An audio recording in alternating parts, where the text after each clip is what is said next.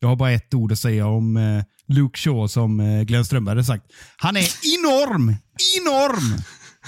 Märk väl att enorm stavas med i i Glenn Strömbergs värld.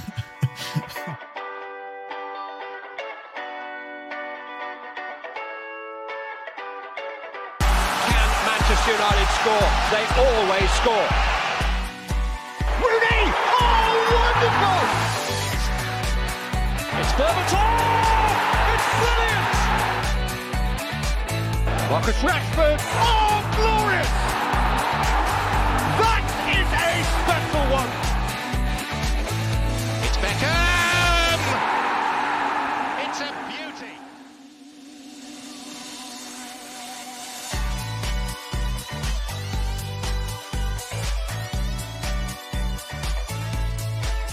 God morgon, förmiddag eller kväll när du än lyssnar ska du känna dig ruskigt välkommen till ett nytt avsnitt av United-podden. Podcasten som du inte visste att du längtade efter. United-podden görs i ett stolt samarbete med både den officiella supporterklubben MUS och United-redaktionen på Svenska fans. United har precis städat av Bournemouth med en axelryckning och få är nog gladare än vi. Eller ja, åtminstone jag och Micke, för pessimistmackan är inte särskilt nöjd va? Jo, jo till, till slut är jag nöjd. Men jag, eh, till skillnad från er så tycker jag första 45 är, är direkt svaga. Och eh, jag var orolig i paus alltså. Jag var det. Ja, det får väl utveckla om en stund. Micke är eh, lika glad nu som han var tidigare i alla fall. Ja, jävla toppform nu och det känns underbart att spela in eh, så här mitt i natten. Du får lägga till det nu i ditt intro där. God natt får du säga också, eller, eller när du helst lyssnar. För eh, det finns ju faktiskt eh, lyssnare som lyssnar på natten har jag faktiskt snappat upp. Beror det på din eh, raspiga röst som är så skön att somna till kanske? Ja, det måste vara det. I kombination med din eh, sagoberättarröst och eh, ja, Mackan placerar vi inte ens in där. Han brukar ju väcka dem rätt vad det. Fan, mobbning eh, till att börja med. Fy fan vad tråkigt. Gugge är inte med, så vi måste utse någon ny. Någon att tacka på, det är viktigt. Det är viktigt. Ja, Micke har du haft ett bra nyår eller? Mm, Mycket bra tycker jag. Det var en eh, ja, relativt städad sådan, eh, måste jag ändå säga, i, jämfört med vissa andra. Eh, eller vad säger ni? Lever ni fortfarande? Eh, två dagars bakis eh, existerade i alla fall här. Jag vet inte vad det var med dig Mackan. Jag har inte hunnit prata med dig sedan eh, det vilda nyårsfirandet. Ja, jo. Eh, superstark har jag inte varit. Men eh, beerpongen där 03.29 var tvungen att eh, genomföras av någon eh, sjuk anledning. Men eh, så fick det bli och så ska det vara. Och bakfull ska man vara efter nyår. Så vi får ta det. Om man inte dragit tag i det tidigare så måste ju B-pongen avverkas. Så är klockan 03.29 så får det väl vara så. Det ska banne mig göras. Hur ser det ut med nyårslöftena nu pojkar? Nej, sån skit sysslar inte jag med. Nej, jag- tror faktiskt aldrig i mitt liv att jag har haft ett nyårslöfte. Och eh, jag är faktiskt lite stolt över Jag kommer ihåg när alla ens kompisar skulle vara jag ska inte äta godis på ett halvår. Bara, skit på dig, fan ät godis, det är ju gött liksom. Vad håller du på med? Ja, men, ärligt talat, är inte det det töntigaste som fanns när man var liten? Äter inte jag godis på ett år så får jag 500 kronor av morsan. Ja, ja. Äter jag godis så får jag 500 kronor av morsan ändå. Liksom. Fan, bete dig. Det är sånt som jag sysslar med nu för tiden. Det är så jävla väntat det också, Micke. Det är så väntat. Sitter du och hånar folk för detta och Micke har precis fått upp ögonen för den här jävla succégrejen med godisförbud. Det är så jävla viktigt. Men jag har ett förslag till dig Mackan på, på nyårslöfte. Sluta vara så jävla negativ i första halvlek när United enkelt rullar hem det med 3-0 som jag, så, som jag skrev till dig där, att det kommer lösa sig. Ja, men jag måste ska, skapa lite friktion och måste få ut lite eh, bitterhet också. Det, det är en del av den person jag är. Är det din viktigaste terapi eh, 90 minuter på hela veckan när United spelar? Oavsett hur det går så ska du bara få utlopp för de känslor du har inom dig. Så jag, jag tror typ det. Alltså på riktigt. Och det är ju på gott och ont liksom. Men... Eh, nej, alltså... Ja, vi behöver inte fastna vid det för länge, men... Eh, jag, jag tycker att eh, jag, jag, kanske ser fotboll på lite annorlunda sätt än vad ni två gör och då tänker jag att det är, det är kul att skriva för jag vet att jag kommer få mothugg och då är det kul att eh, det blir lite friktion. Fan, det, så ska det vara tänker jag. Det ska det verkligen vara. Jag tänker att vi kan ju bara hoppa rätt in i den. Jag slänger in en liten eh, minijingel här och så kör vi igång snacket om 3-0 kalaset mot Bournemouth. United städade av Bournemouth med 3-0 och befäste en allt trevligare sits i tabellen.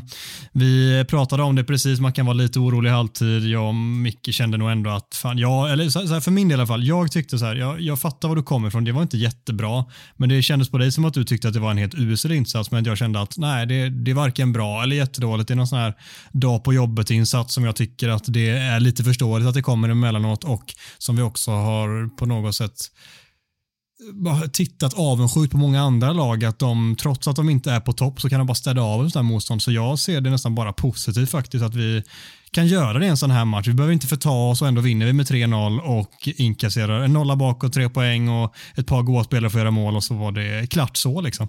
Nej, alltså i slutändan håller jag ju med fullständigt. Det är bara det att jag tycker i första halvlek att vi kör fast totalt och verkar inte ha något annat alternativ. Jag jag, jag, vet inte riktigt. Eh, jag tycker synd om Donny också. Eh, han var inte sämst på plan och eh, jag hoppas verkligen att han inte är allvarligt skadad nu. Men jag, jag, vet inte riktigt vad syftet med att få in honom var.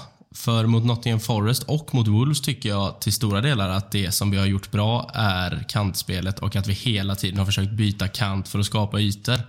Nu första halvlek mot Bournemouth så hade vi inte Nej, vi hade inte en gnutta kantspel. Eh, och om det är så pass mycket folk i mitten och vi kör fast gång på gång på gång på gång, då måste man kunna göra någonting annat också. Vi leder faktiskt bara på grund av att Christian Eriksen har en helt otrolig inläggsfot och att Casemiro uppenbarligen har en fot av guld in i straffområdet också. Så ja, jag tycker att det såg jävligt oroande ut och att vi såg okoncentrerade ut när de faktiskt anföll. Men eh, det kanske bara var jag. Det var mycket att ta tag i där. Mm. Eh, du, du dissekerade Donny och det påverkade hela speluppbyggnaden etc. Om vi börjar med Donny, så som det jag tror är ju att vad ska han göra med honom då? Eh, han har ju bevisligen haft en bra relation med Donny och fått fram hans egenskaper. Och Jag måste säga, jag tyckte det var länge sedan jag såg Donny van de Beek så påslagen och så nära situationerna som han var. Han fick rätt mycket boll. Han eh, tog djupledslöpningar in var några svåra bollar och så vidare. Han, han, är skicklig på att skära av och i det defensiva. Jag tycker han, han gjorde många bra saker, men, men jag håller med dig samtidigt att det blir lite tomt när Bruno utgår från höger och går in eller går över på andra sidan så har vi bara Wan-Bissaka på andra sidan. Liksom. Så jag förstår vad du menar, men samtidigt så, så är jag lite mer inne på det Adam är inne på. att ja, men Nu ser vi ett spel. Eh, det finns en idé med den här 3-1 uppspelsformationen eh, eh som man använder sig av, precis som Arsenal och City använder sig av. Jag tycker det, liksom, de rullar på gång efter gång efter gång. Jag tycker snarare det berodde på Bournemouth som, och lite grann det du är inne på med Donny och Bruno.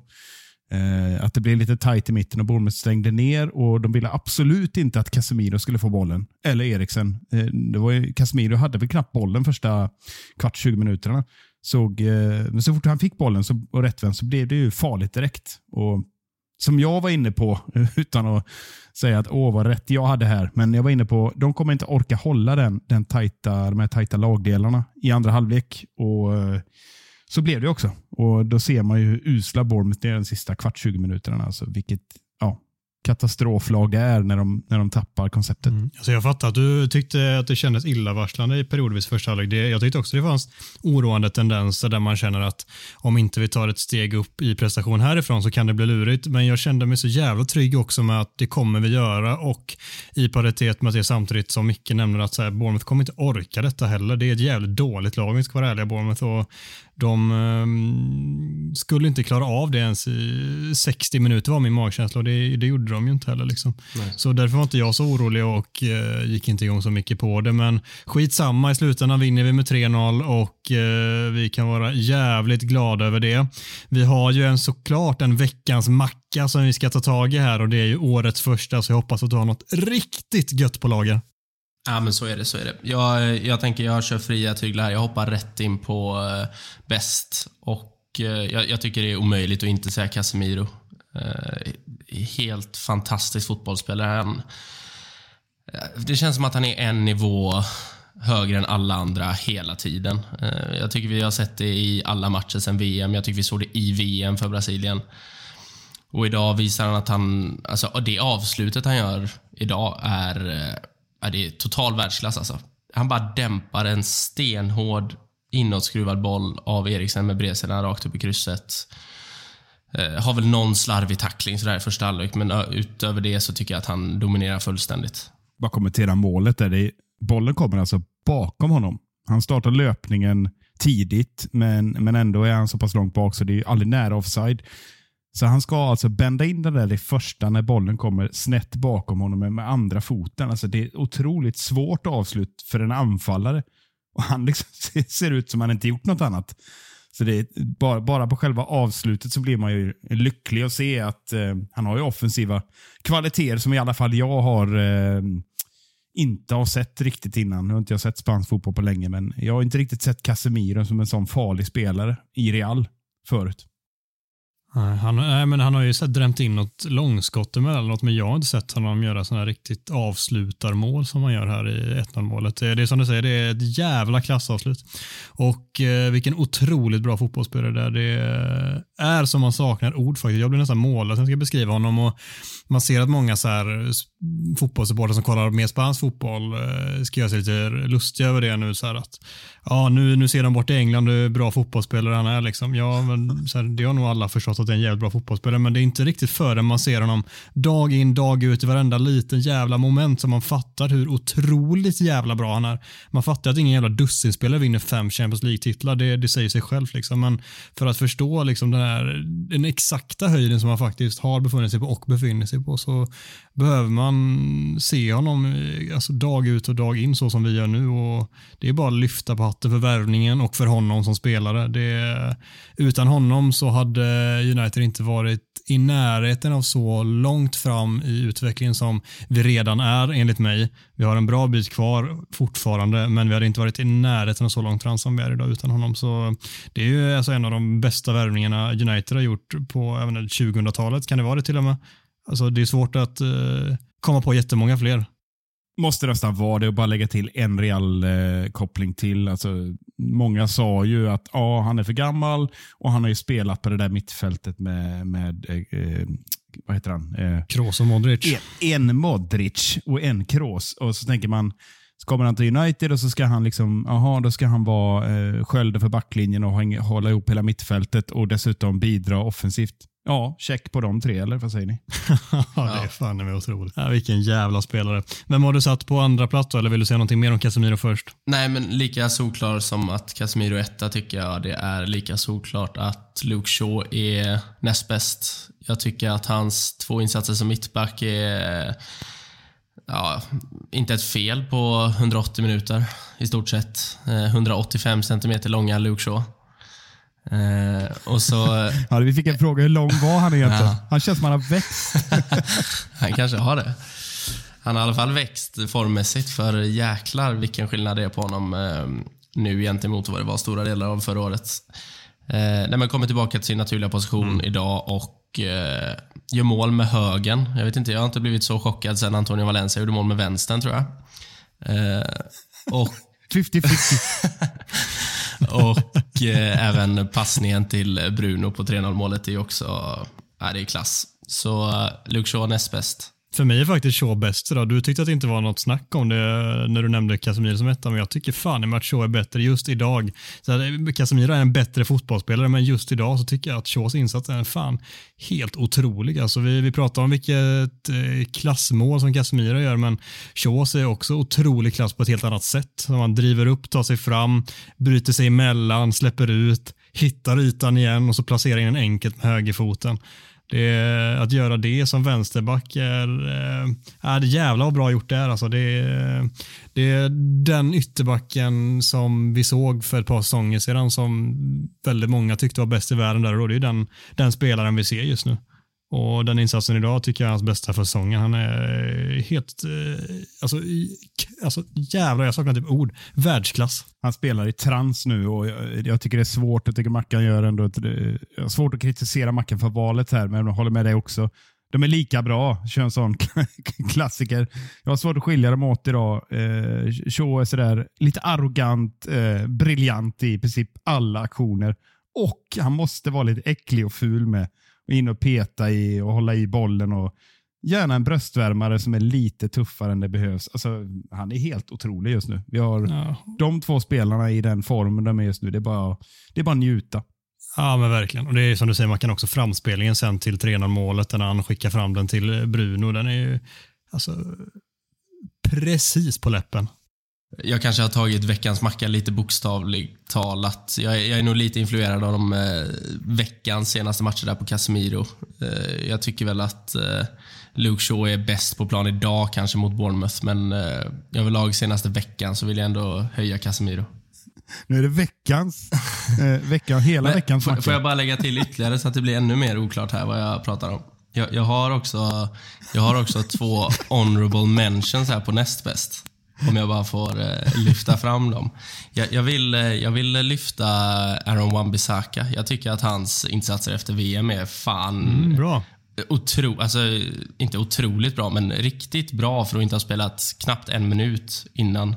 Så kommer han in som att han inte har gjort något annat. Och eh, Jag ska inte säga att han briljerar, men han stänger sin kant varje match och eh, ja, gör det han ska på ett bra sätt. Och Fred, vilken jävla superinhoppare han är. Han kommer in mot Wolverhampton och vinner hur mycket boll som helst och springer sönder deras mittfält när vi ska försvara en ledning. Och Han kommer in idag mot Bournemouth och ger oss tillbaka den kontroll vi hade tappat där i 5-10 minuter. Nej, Fred är, Fred är så jävla fin alltså.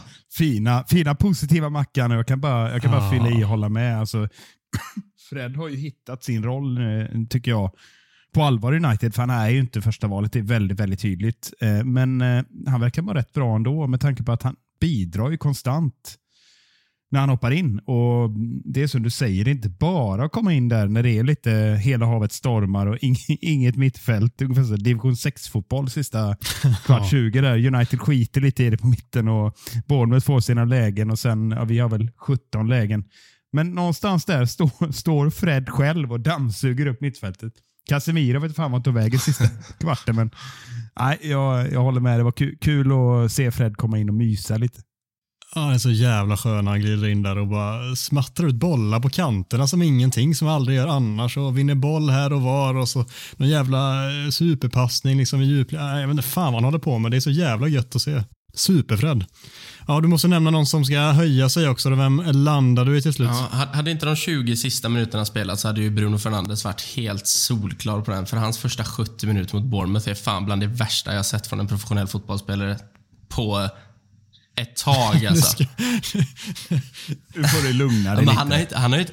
Du kan ju inte ta ifrån tårna varje Nej, okay, gång. det var en skarp. Men alltså hans, eh, hans första 65-70, det är fan direkt dåligt tycker jag. Jag tycker att han ska hålla på, eller jag tycker. Jag tycker att han ser sådär nonchalant och arg ut som jag egentligen gillar. Men då får han ändå blanda det med lite skicklighet och elegans och lite goa skarvar och passningar. Men det känns som att allt han provar första 60 är dåligt. Sen är typ allt han gör sista 25-20 otroligt bra. Eh, så istället för att landa i någon spelare här så vill jag fan så totalsåga engelska domarkåren. För nu har det varit två omgångar där jag har sett Alltså inte, inte bara när United spelar, utan det är så här fem, sex otroligt märkliga domslut. Alltså, som man bara undrar, hur, hur tar de inte det här? Alltså, om, vi, om vi tar exempel från United då. Vi har Nathan Collins spelar volleyboll i eget straffområde. Han, handen är alltså ungefär en halv meter ut, utanför hans kropp och han blockar ett skott. Eh, domaren står 3,5 meter därifrån och tar den inte. Eh, sen vet jag att handsregeln är luddig. Rashfords mål är säkert korrekt bortdömt. Eh, om jag bara tar en annan från ikväll. Eh, Arsenal, Newcastle, toppmöte. Det sista som händer. En Arsenal-spelare tar sig runt, lägger den snett inåt bakåt. En Newcastle-spelare blockar den. Eh, alltså så tydligt det går att bli med handen i en så onaturlig position som handen kan vara i. Domaren står tre meter därifrån och tar den inte. Jag, jag, jag tycker att det är för dåligt och idag har United en hands emot sig igen när Stacy spelar handboll efter att ha klättrat på Garnacho. Eh, jag, jag, jag, tycker de är för dåliga. Alltså. Jag, jag, säger inte att VM, eh, VM var eh, en klass för sig för domarna, men jag tycker att nivån i Premier League är och har varit för svag i många år nu. Så höj er alla jävla domare, för jag är trött på er. Nej, jag, jag, eh, vad fan ska man säga? Det var så mycket att ta tag i där. Men Bruno Fernandes pratade jag och Adam om eh, medan du satt och förberedde ditt försvarstal där angående, angående den urusla insatsen i första halvlek. Skämt åsido, vi pratade om Bruno och det är rätt intressant. Jag, jag köper eh, att han var svag eh, första halvlek framför allt, men det är en typisk Bruno-match. Han är håglös ena sekunden och världsklass nästa sekund. Och så tänker man, vad fan har han gjort i matchen? Så har han typ skapat sju chanser när, när man blåser av. Det är en typisk Bruno Fernandes-match tycker jag. Även om mm. jag ja. vi, vi, tycker att han är en bra bit ifrån den nivån naturligtvis som han var när han kom. Men det är det också det, den måttstocken vi har hela tiden med Bruno. Ja, han är så jävla märklig Bruno. Man, man sitter och frustreras över och även efterkänslan efter matchen kan vara liksom så här bara, fan vad han slarvar och slår bort grejer och sen tänker man efter på alla målchanser United har så har han typ legat bakom allihop i slutändan. Fattar ingenting vad som händer. Det är en eh, jävla udda spelare där, men det är, eh, ja, jag förstår att du tycker att han eh, är att han är svag första halvlek, kanske till och med en bit in på andra, men i slutändan så är han utslagsgivande ändå till slut. Det är en jävla udda men bra spelare. Verkligen. När det gäller domarna så, eh, jag skulle vilja bredda det lite grann. Jag tycker det finns eh, det finns ett djupare problem, för jag upplever att det är en annan bedömning i Premier League eh, än vad det givetvis var i VM, för det, var, det gick nog in och kolla allting. Nej, var det inkastet korrekt? Nej, vi får nog VAR-kolla det. Och så hade de tio minuter tillägg i första halvlek varenda match. Men, men jag uppfattar att det är, man är inte riktigt överens och att det är en ständig pågående diskussion om det som skapar en press som är onödigt hög. För att jag tror personligen inte att domarna är så här dåliga. Jag tror det är en kombination av den här enorma pressen från, från både klubbarna men så givetvis också fans och media och sådär. Men jag, jag, tror att det, det, finns en rädsla att, eh, att bli straffad eh, som många domare bär med sig. Och Det har varit en ganska stor generationsväxling nu. Jag säger inte att de här gamla eh, gubbarna som eh, dömde på övertid, att de var så jävla mycket bättre. Men jag tror att det kommer att vara lite skakigt eh, ett tag till för att det är en hel del orutinerade domare och det dömde en orutinerad domare också. Salisbury eller vad han heter, den här killen. Jag har knappt sett honom någon match. Han hade tio matcher, tionde matchen någonting tycker jag Holmgren sa.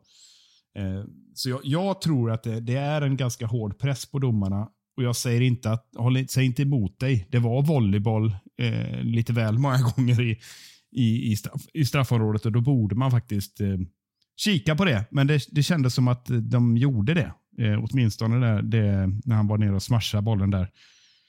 Eh, mittbacken. Men eh, jag, jag tror det här handlar om eh, eh, ett djupare problem än bara att domarna är usla.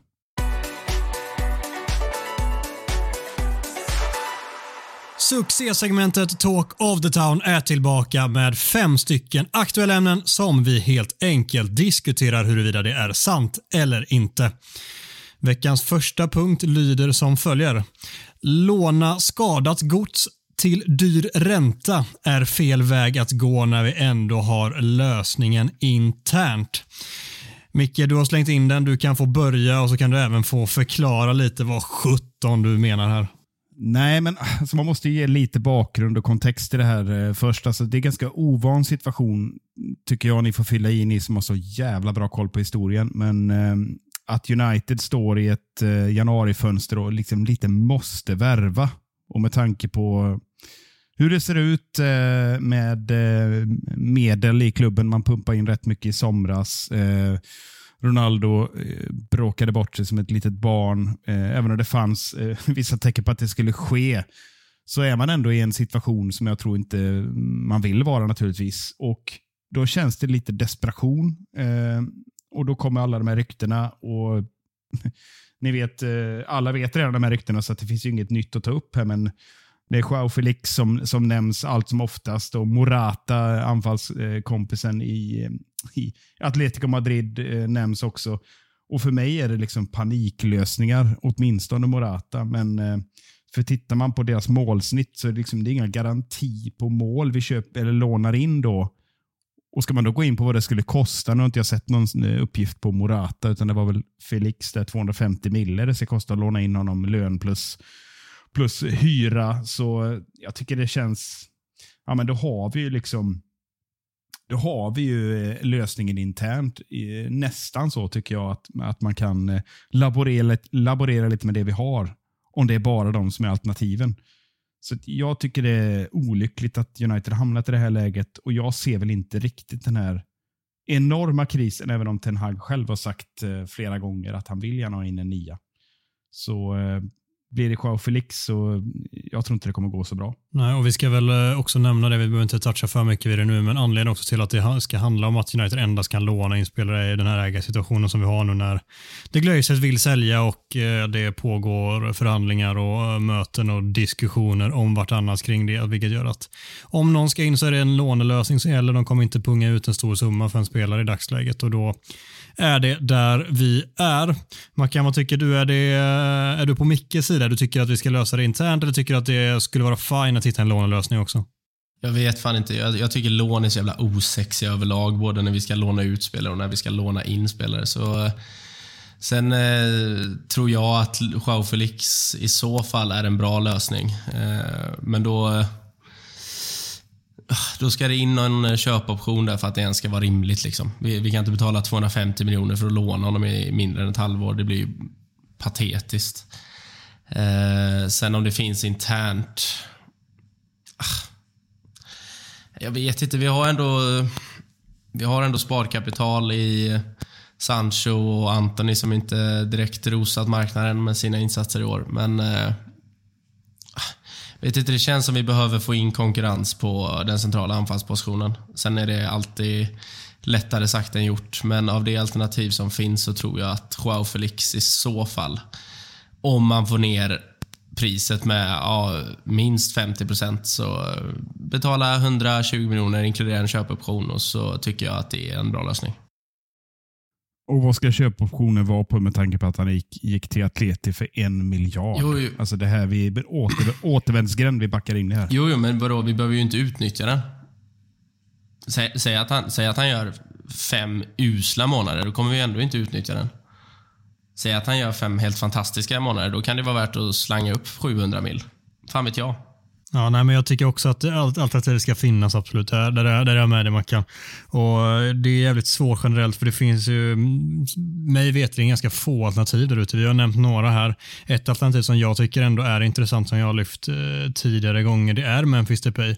Och Det är en vattendelare satan, det är det verkligen. Eh, jag vet att Mac, Mack, eh, Mackan är mer på min sida där medan Micke inte är lika sugen på honom. Men det är en spelare som är en helt annan spelare än den vi såg i United senast. Som har varit i Lyon och varit fullständigt briljant i Ligue Ö. Har gjort det bra i Barcelona när han har spelat innan han har skadat sig och varit eh, borta av olika anledningar fram och tillbaka. Och Sen är det såklart att han inte går före en Lewandowski, det säger sig självt. Liksom.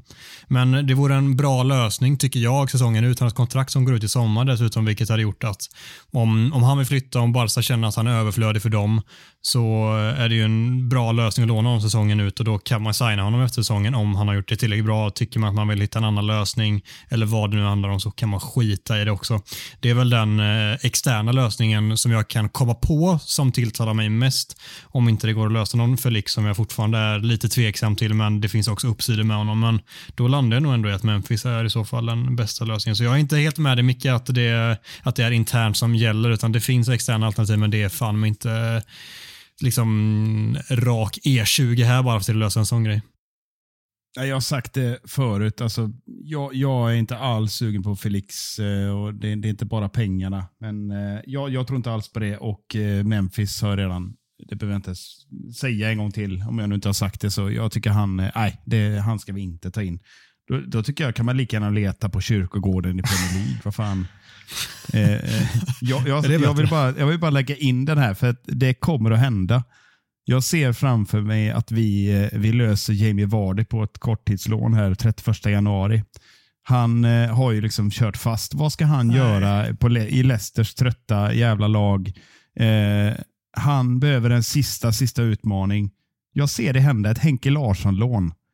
Och jag ser han göra succé. Jag bara ser det framför mig. Kommer ihåg när ni hörde det först? Jag känner ju mer i så fall att det typ en Danny Ings är mer rimlig i så fall. Ja, varför inte? Men det är ju ingenting som eh, jag får citat från Mackan tältresning av. Nej, fy fan det är så långt från tältresning som det går att bli. Danny Ings på lån i januari alltså.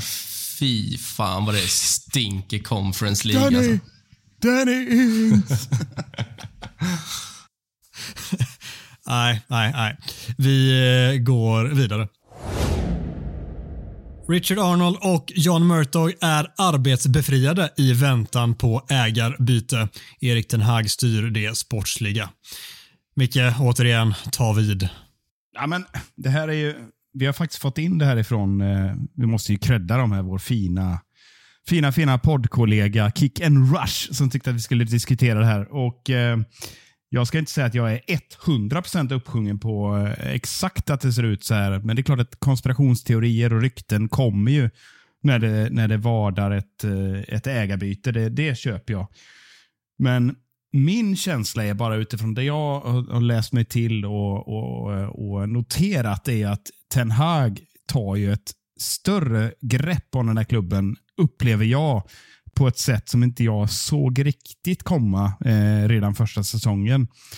Och det, det, han säger, jag kan inte ta på det mer att han sätter uttala sig om eh, ungdomsfotboll, knyta till sig, kontroll över U23, eh, uttala sig lite mer fritt kring eh, vad han vill ha och sådär. Eh, jag tycker han är mer offensiv än vad jag trodde han skulle vara och det är möjligt att det beror på den här situationen.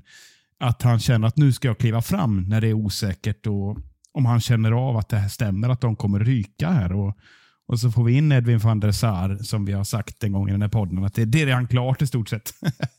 Nej, jag vet inte, men min, min känsla är att eh, det, är, det, är en bra, det är en bra känsla jag har och jag ser, eh, det är inte 90-talet och, och eh, Sir Alex äger klubben, alltså managern tar enormt ansvar. Nu ser organisationen annorlunda ut, men min känsla är att Ten Hag tar fina kliv framåt. Mm, jag tycker det är ändå intressant det du säger. Det hör och häpna. Det är fan sällan det sker, men den här gången tycker jag det mycket.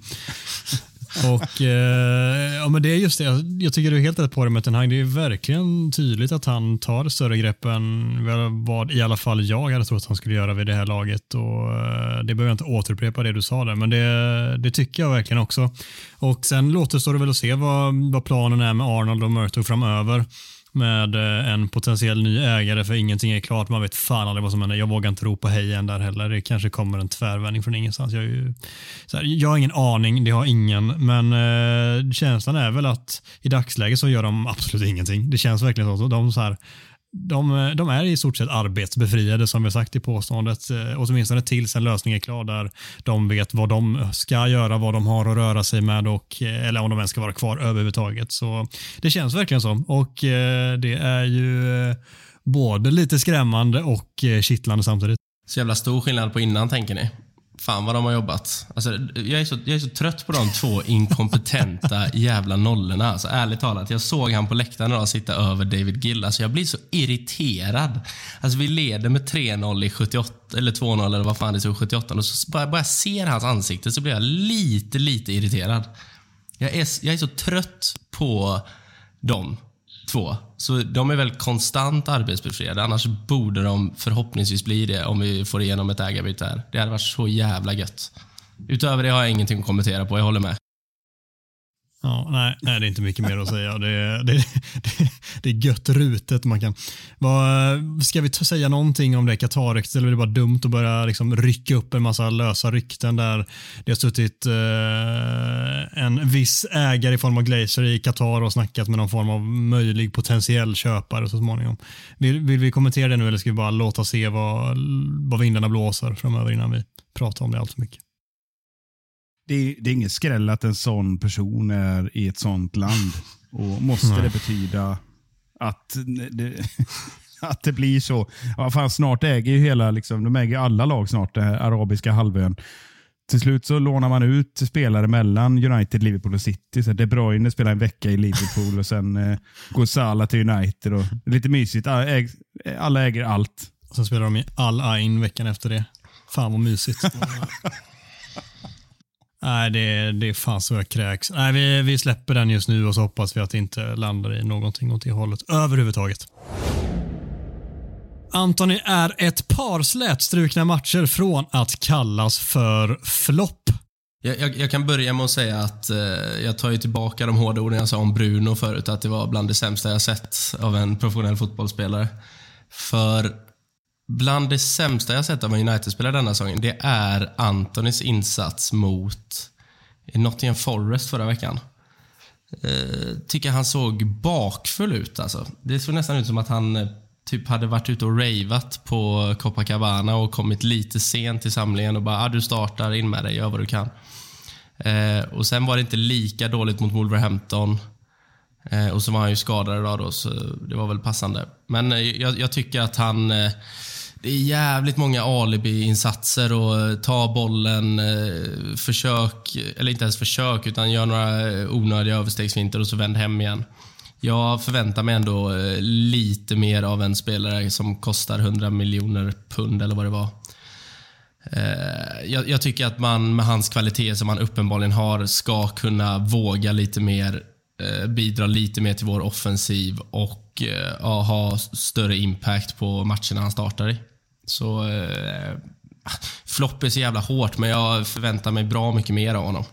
Jag tycker inte heller att han har levt upp till förväntningarna, men det är alldeles svårt också att se att ett par slätstrukna matcher till ska räcka för att kalla honom för flopp. Det är på tok för tidigt, men det är givetvis så att vi ska kunna förvänta oss mer av honom och Eh, hittills har det inte varit tillräckligt. Det är fan med dags att steppa upp någorlunda och jag tror att det kommer komma men här och nu så är det lite illavarslande för vi såg en viss effekt i början hur viktigt det var att ha det hotet på den högerkanten och eh, när vi inte har det så eh, jag tror att vissa matcher nu har vi mött liksom rätt tacksamt motstånd det senaste, men så fort motståndet blir lite tuffare så tror jag det kommer vara betydligt mer påtagligt än vad det varit nu att vi saknar ett rejält hot från den kanten och eh, då är det jävligt viktigt att Antoni kan eh, prestera betydligt bättre än vad han har gjort eh, dels precis innan uppehållet och dels nu efter uppehållet också. Det, det är viktigt för oss, men jag vill absolut inte säga att han är ett par slätstrukna matcher från att kallas för flopp. Ja, men det, det är ju, det, jag förstår ju alltså, samtidigt fansen som är irriterade på Sancho och Anthony. Dyra, unga spelare som kommer in med, med enorma förväntningar. Och Tittar man på förutsättningarna så... Jag menar, eh, Sancho gjorde det fantastiskt i Tyskland. Det vet alla. Alla vet vad han kan. Han har visat det bitvis. Tio matcher som jag sa. Eh, Eh, men det har varit väldigt hög, hög nivå. Då. Antoni kommer in med, med en väldigt hög prislapp och eh, är också Ten Hags kille. Liksom, ska förstå hans filosofi direkt och komma in och bara egentligen leverera. Så jag tror att det handlar jättemycket om press, även om jag håller med Mackan att det är några ruskiga eh, alibi-insatser. Det ser ut som man har köpt på lite för hårt med lustgasen där va, innan. Och sen, ja just det, det är match imorgon. Fan skitsamma, vi tar en tub till. Han ser riktigt jävla grogg ut nästan. Och, och, när, han, när han är så dålig, då blir han så lättläst. Ännu mer lättläst än vad han är. Han har ju problem, lite som Kulusevska hade i början när han kom till Tottenham. Att han kunde inte gå ner på kortlinjen och slå ett inlägg med högen. Liksom. Men nu har Kulusevski lärt sig det. För jag tycker de är ganska lika i spelstilen. så Inte bara för att de är vänsterfotade. Men, men eh, där har ju eh, Anton en bra bit kvar eh, till den här avigheten Även om han har det i sig. Så Det känns otroligt lättläst. Bollen går ut till Antoni, han gör någon fint, spelar tillbaka bollen till Casemiro. Liksom. Får jag bara lägga till en sak där som, som stör mig lite med Antoni, som jag inte stör mig lika mycket på på Sancho. För jag har varit inne på det innan i den här podden. Jag, jag tror att många United-supportrar i synnerhet har missförstått vilken typ av spelare Sancho är. Det behöver vi inte gå in på igen. Men Antoni är ju den spelaren som konstant vill utmana och ta sig förbi sin gubbe. Eh, vilket vi har sett i Ajax och man såg det när de spelade i Champions League. Det spelar ingen roll vilka de mötte. Han skulle göra sin gubbe, han skulle förbi. Han skulle vika inåt i banan och leta skott eller ett instick eller vad, vad det nu var. Eh, och Det tycker jag inte vi har sett knappt alls. Alltså. Eh, och så jämför man med en Garnacho som bara spelat ungdomsfotboll, som bara går in och kör skit. Liksom. Det spelar ingen roll vilka han ställs mot. Han kör sin ytterback. Och det är väl lite det jag förväntar mig av en sån spelartyp som Antoni, att oavsett hur matchbilden ser ut, oavsett hur det har gått i första halvlek eller de första 60, kör din gubbe. Eh, så det, det, är väl det jag saknar med den spelartypen. Sancho är en annan, men eh, det är främst det jag stör mig på lite på Antoni. Mm. Ja, fortsätter det så här, alltså två matcher är hårt och skarvat eh, påstående, men eh, säg att det fortsätter så här under våren ser det likadant ut. Ja, men det, är klart som fan det är en flopp, men, men eh, samtidigt är det en jävligt ung kille och han kommer att utvecklas. Men det jag kan störa mig mest på, både när det gäller Sancho och Antoni, för jag, jag håller med dig, det är olika spelartyper, men ja, för jag jämförde dem med prislappen och åldern. Liksom. Men för helvete när det går dåligt, jobba hårt i alla fall då. Jag tycker de är lite håglösa bägge två. Han hjälpte till bra i början. Anthony, när han eh, kom in, hade bra energi, gjorde något mål och sen jobbade han hem och, och liksom hjälpte ytterbacken och sådär. Men jag kan tycka de har ett kroppsspråk och jag tror det är mycket därför Sancho är vägskickad. Eh, att, att attityden måste upp. Liksom. När det går emot, när man inte lyckas med, då får man fan jobba hårt i alla fall. Jag tittade tillbaka för ett tag sedan här. Eh, den, en av våra absolut bästa insatser på hela säsongen, eh, Tottenham-matchen på hemmaplan. Då eh, och titta på Antonis aktion där, så highlights reel från den matchen och han var i stundtals fan alltså sagolik i vissa aktioner som han gör där han bara snurrar upp vem fan det nu är som han mötte på sin kant matchen, det minns jag inte ens. Men han har riktigt skön tunnel och väggspel, han bara sveper förbi från ingenstans och det är den Antoni vi vill se så of mycket oftare än vad vi har gjort. Det är ju den matchen och någon till som han har varit men riktigt bra. Annars har det varit väldigt slätstruket och ganska mycket upp och ner. Och eh, som Mackan säger, han vågar inte riktigt utmana på det sättet som hans spelartyp egentligen är. Så eh, våga mer och det kommer nog när han får upp lite självförtroende, kanske känner sig ännu mer bekväm med pressen och liksom att spela i en av världens absolut största klubbar. Det kanske bara är det det handlar om ge, ge några matcher till så ser vi, men eh, vi ska vara jävligt försiktiga med att stämpla folk tidigt och jag vill inte ens kalla honom för en flopp om han skulle spela så här resten av säsongen för det, det är fortfarande för tidigt med så ung spelare trots att han kostar mycket pengar. Luke Shaw är den bästa försvararen i ligan just nu. Vi har ju redan skickat hela hyllningskören till Luke Shaw och eh, alltså knappt, ja, men jag som jag förut sa för jag saknar nästan ord för hur jag tycker bra han har varit senaste.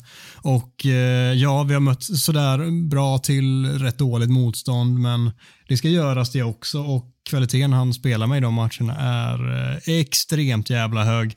Så eh, jag tänker eh, blint säga att ja, Luxor är den bästa försvararen i ligan just nu och då är det fan med både mittbackar och ytterbackar inräknade.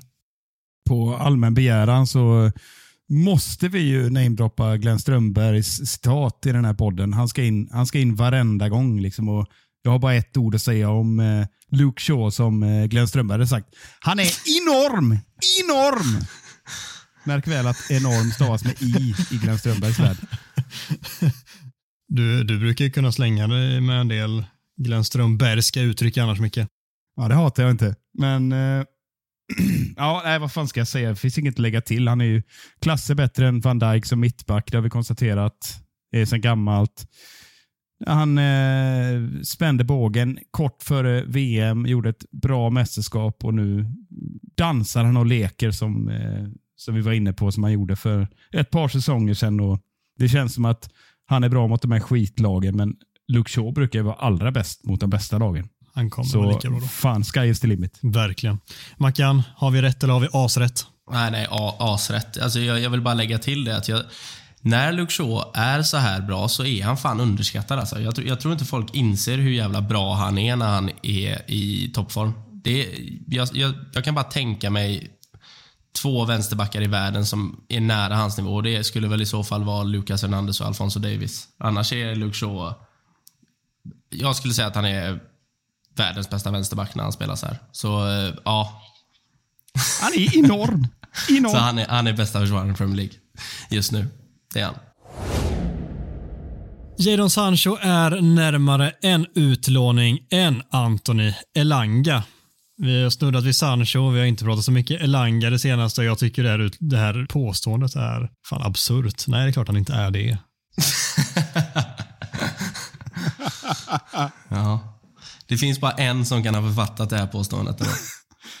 Ska jag dra lans eh, för mitt eh, Sancho-hat här då? Nej, men alltså vad fan är karln? Det är den första frågan. Eh, inte fått ordning på vett och etiketten, inte jobbat tillräckligt hårt, fel mental inställning, jada, jada, jada. Det är ju inte Tenag som har värvat honom. Han har inte värvat Elanga heller.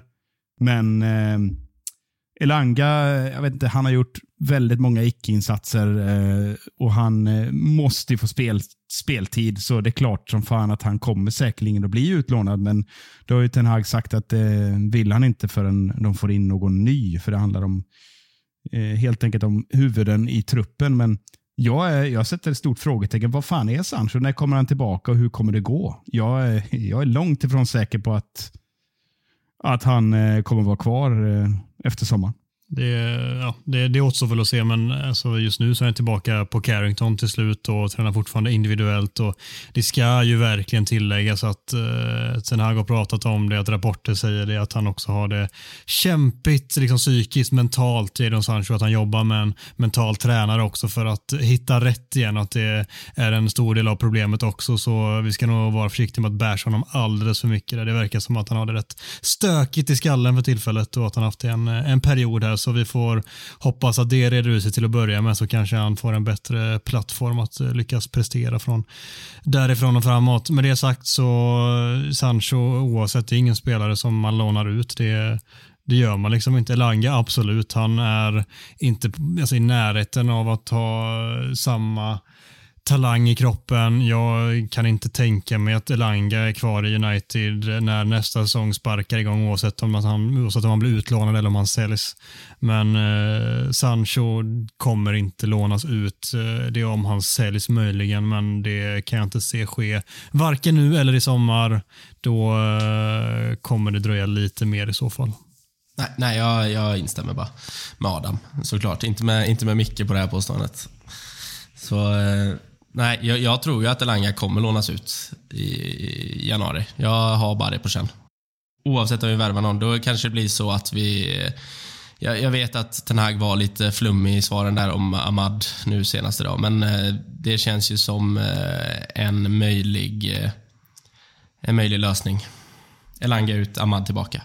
Ahmad borde vi bara lite snabbt nämna. Han gör ju fullständigt kaos i Championship med Sandland just nu och får så otroligt mycket lovord som liksom av vissa som typ hela Championships bästa spelare och överlägset Sandlands bästa spelare. Och jag har bara sett liksom, highlights-paket av honom men det ser ju eh, riktigt, riktigt bra ut vilket är sjukt kul. Det är en spelare som vi vet har enorm höjd i sig. Annars hade United hellre betalat vad det nu var 35-40 miljoner för så ung spelare. Sen vet vi att United är märkliga liksom och gjort konstiga beslut och sådär men det vittnar om att det finns en jävla talang i spelaren och det börjar han visa i Championship nu. Ten Hag hyllar honom och ser att han gör en otrolig utveckling just nu och jag förstår att han liksom är lite i valet och kvalet där också för man vill ju inte bryta det när det går så bra för honom. Man vill låta honom fortsätta frodas i det.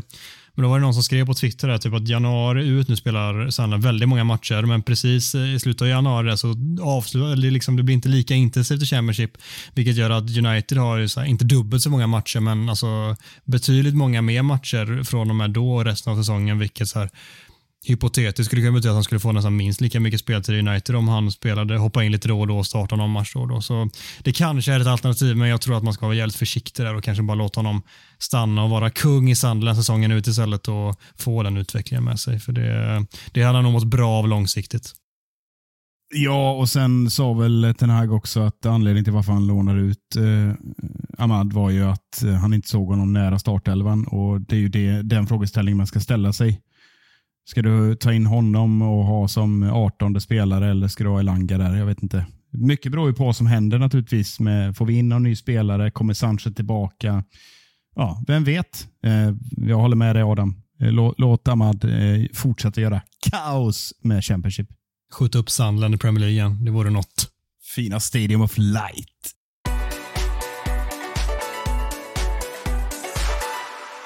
Nästa match spelas mot Everton i FA-cupen på fredag klockan 21.00.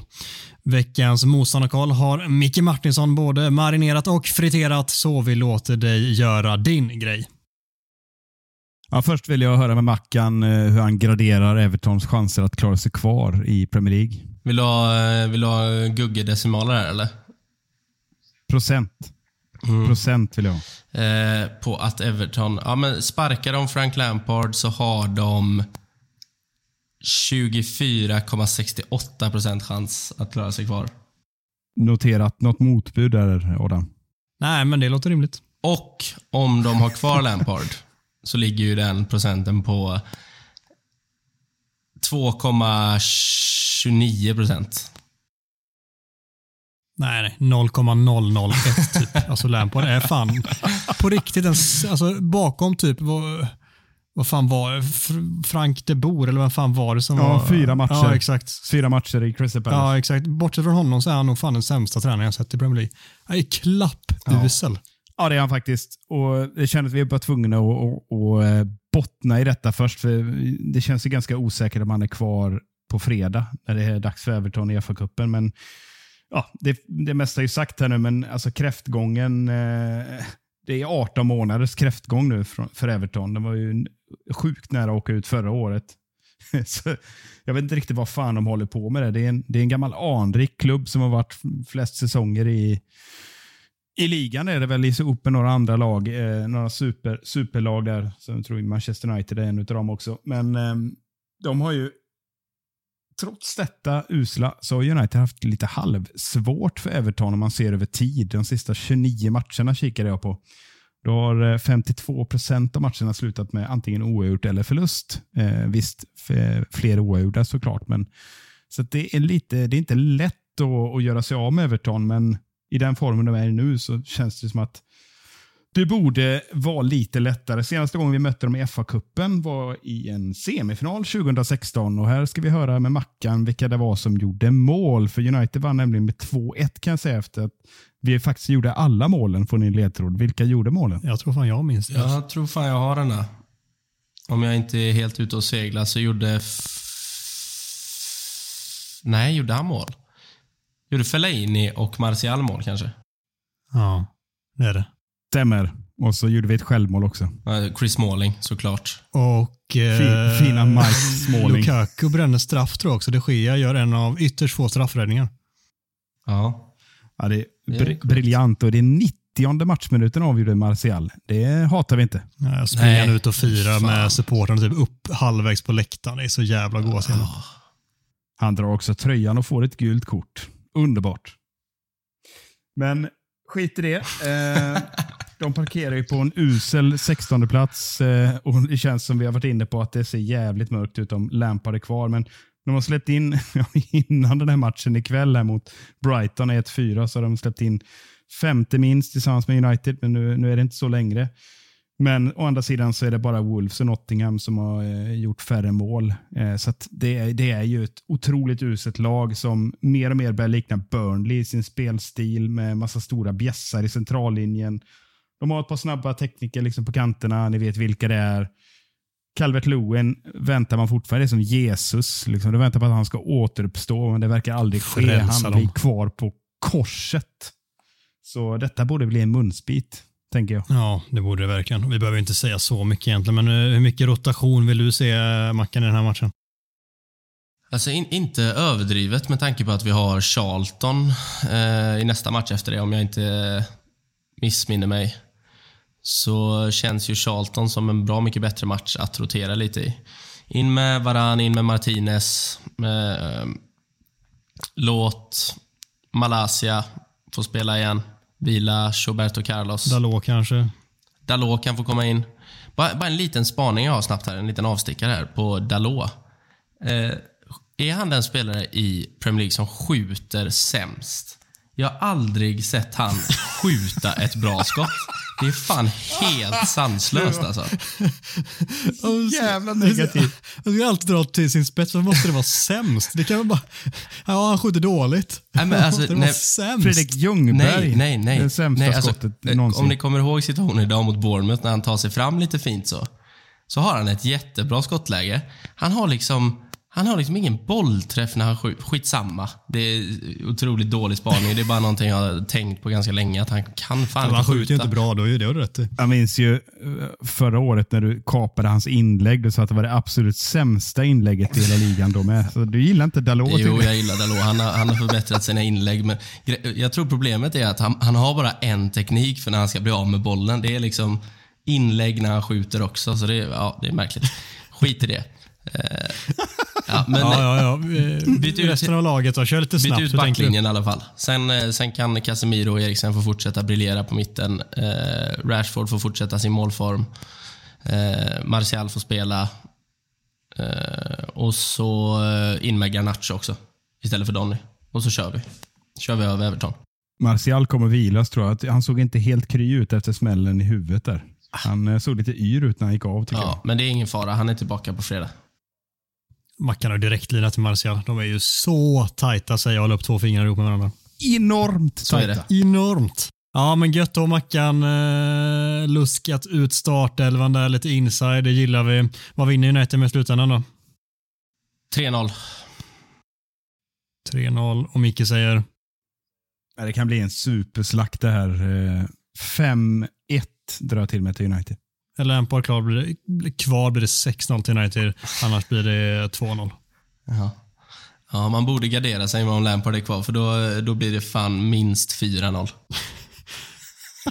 Tvåsiffrigt eh, skulle jag inte säga helt omöjligt faktiskt. Nej. Mackan har, han har inte ändrat sig någon gång i den här poddavsnittet. Bruno Fernandes, sämst i världen. Han är inte så jävla dålig. Klockan är efter 12, det är en onsdag, jag är trött killar. Ja, du är fan ursäktad. Bara den här gången. Med det sagt så får det fan vara nog. Jag behöver lägga huvudet mot kudden och eh, ni ska väl sitta vakna natten långa som ni alltid gör. Med det sagt, tack för att ni har lyssnat. Tack för att ni följer podden som ni gör. Tack för att ni skickar in så jävla mycket goda frågor och påståenden till oss. Det uppskattar vi som satan. Följ oss på sociala medier, sprid podden vidare så hörs vi igen nästa vecka. Ta hand om er.